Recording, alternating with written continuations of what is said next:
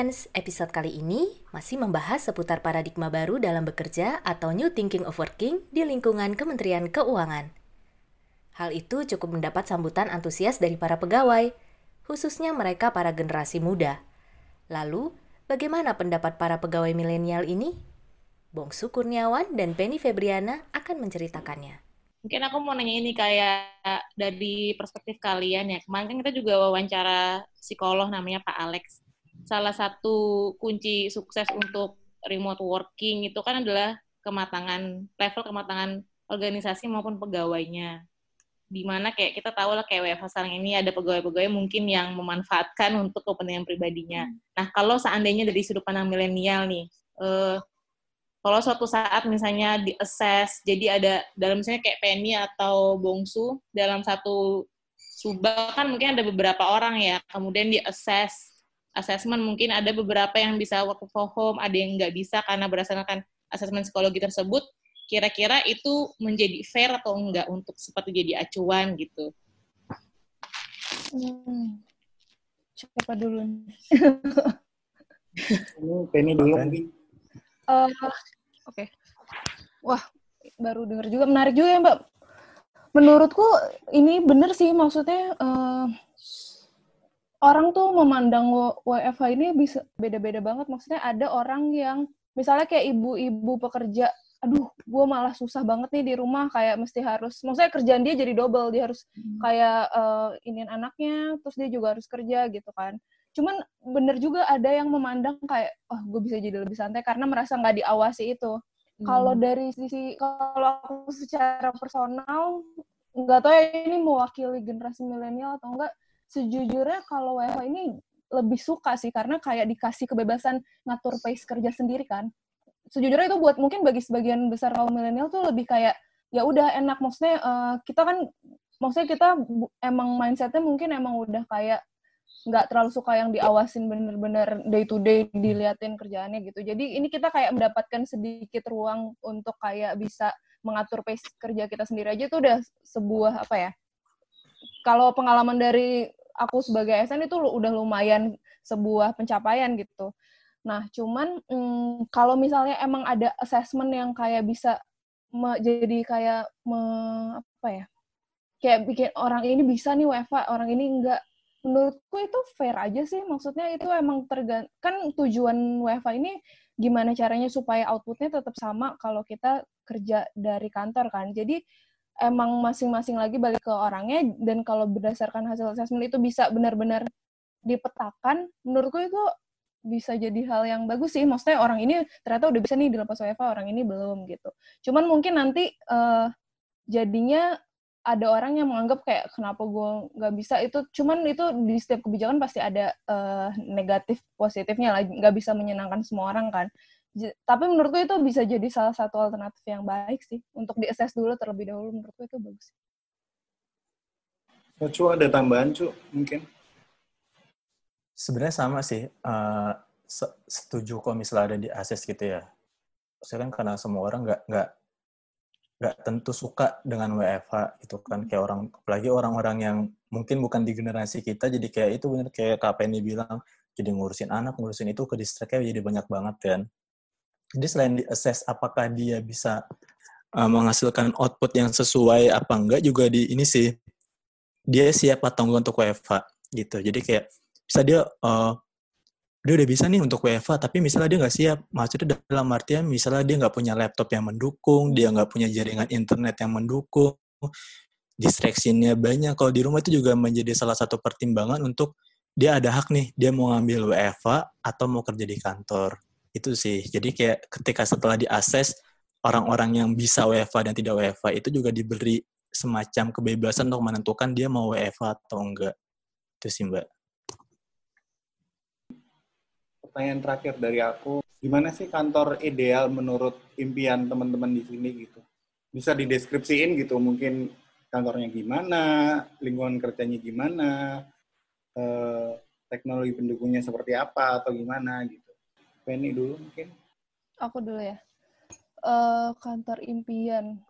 Kalau misalnya berbicara set PP yang ideal, maksudnya udah me, implementasikan ini aku pengennya lebih ini sih di, uh, punya satu sistem yang benar-benar dipakai bisa dipakai dengan mudah gitu yang mempermudah uh, semua pihak stakeholder itu untuk bisa submit dokumen segala macam sih. Kalau bisa lebih ekstrimnya lagi tuh kalau bisa bisa mendukung jalannya sidang virtual gitu. Di beberapa negara tuh udah ada yang bisa. Jadi kayak kenapa nggak maksudnya kenapa nggak bermimpi untuk ke arah sana gitu tuh sebenarnya bisa. Terus kalau misalnya CPP udah bisa lebih digital menurutku itu akan sangat membantu menyelesaikan banyak permasalahan termasuk tentang pengadministrasian dan pengarsipan berkas-berkas gitu kalau misalnya untuk working space yang lebih baik itu sebenarnya pengen banget. Maksudnya bisa at least ruangannya bisa lebih rapi lah. Kalau misalnya open space itu dirasa susah seenggaknya kita punya ruangan yang uh, mumpuni untuk kayak meeting atau sejenis cozy room gitu. Terus uh, lebih pengen bisa gap antar uh, pelaksana sama eselon-eselonnya bisa lebih ya, ter apa ya bisa lebih blend in lah. Jadi uh, kalau misalnya new thinking of working ini jalanin koordinasinya tuh bisa lebih enak. Karena kayaknya kalau misalnya tetap birokratis gitu terus kayak hierarkis banget gitu kayaknya nggak akan tercapai juga tuh ininya spirit NTO-nya jadi lebih pengen supaya rekan kerjanya juga uh, mendukung gitu untuk itu gitu. Maksudnya bareng-bareng kayak uh, belajar ini tuh uh, eh, NTW ini nggak ngadepinnya gimana sih kita sebagai tim tuh harus lebih gimana sih pengennya sih kayak gitu sih perlu ini berarti apa nih? Yang pertama itu mungkin yaitu tadi kata Kak Dara kali ya uh, kesiapan SDM-nya juga kali ya. Mm -mm. Menurut tuh apa tuh yang bisa dilakuin untuk menyiapkan SDM-nya seperti itu? Ada sesi psikolog mungkin. dengan psikolog atau gimana apa gimana? Dimulai dari ini kali ya, dimulai dari misalnya si eselon tiganya itu dikasih uh, apa ya kayak diklat tentang project management mungkin atau kayak tentang iya project management. Jadi kayak lebih ke manajemen untuk ngasih-ngasih tugasnya itu dan memonitor tugas secara remote tuh bisa lebih dia bisa lebih ngerti gitu. Terus kalau misalnya untuk membangun bonding tim itu aku nggak tahu juga sih karena di SatPP itu banyak banget tim orangnya. Dan benar-benar plural gitu maksudnya orangnya bukan yang sejenis gitu beda-beda banget. Jadi kayaknya mungkin itu SDM-nya perlu apa ya punya banyak PR untuk bikin timnya tuh lebih bonding. Karena kayaknya yang gue lihat ya kalau NTW ini supaya berhasil tuh kayaknya gap sungkan-sungkannya itu harus agak dikurangi gitu. Karena kalau enggak kayaknya susah juga ya. Misalnya kayak takut uh, untuk WhatsApp eselon 3 aja takut tuh kayaknya agak bingung juga jadinya kalau misalnya kita bener-bener nerapin ini gitu ya mungkin itu sih untuk mungkin kitanya juga bisa kayak ya nggak mungkin kayak kalau capacity building dijalanin bisa lebih ke arah gimana caranya untuk bisa lebih berbaur di dalam tim kayak gitu-gitu mungkin ya. Yang disiapin bener-bener ke orangnya sih kalau di set PP itu lebih dulu orangnya sih menurutku. Oco, kantor uh, impian lu kayak gimana, Cuk? Dan apa yang harus dicapai untuk ke sana? Kalau pertama sih ini ya dari dari ruangan. Kebetulan kalau dari segi ruangan organ kita udah udah implementasi ya. Maksudnya dari segi ruangan itu menurutku udah cukup lah bisa uh, apa yang memenuhi kebutuhan-kebutuhan ritme pekerjaan masing-masing pegawai itu kayak gimana. Yang kedua ini sih paling ya fleksibel dalam artian ya itu fleksibel working hour, fleksibel kita mau kerja dari mana. Itu sih paling jadi kayak kita tuh benar-benar kerja itu berbasis output gitu loh. Kan kalau sekarang tuh kadang ya nggak dipungkiri atasan tuh ngelihat uh, anak ini misalnya ya uh, dia rajin pulang jam 5 tapi outputnya selesai.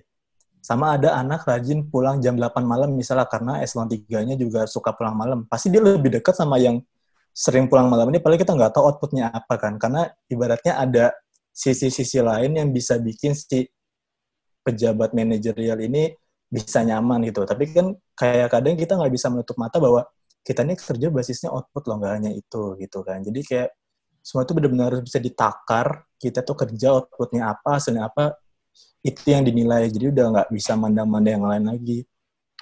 Oke fans, itu tadi diskusi kami dengan beberapa narasumber.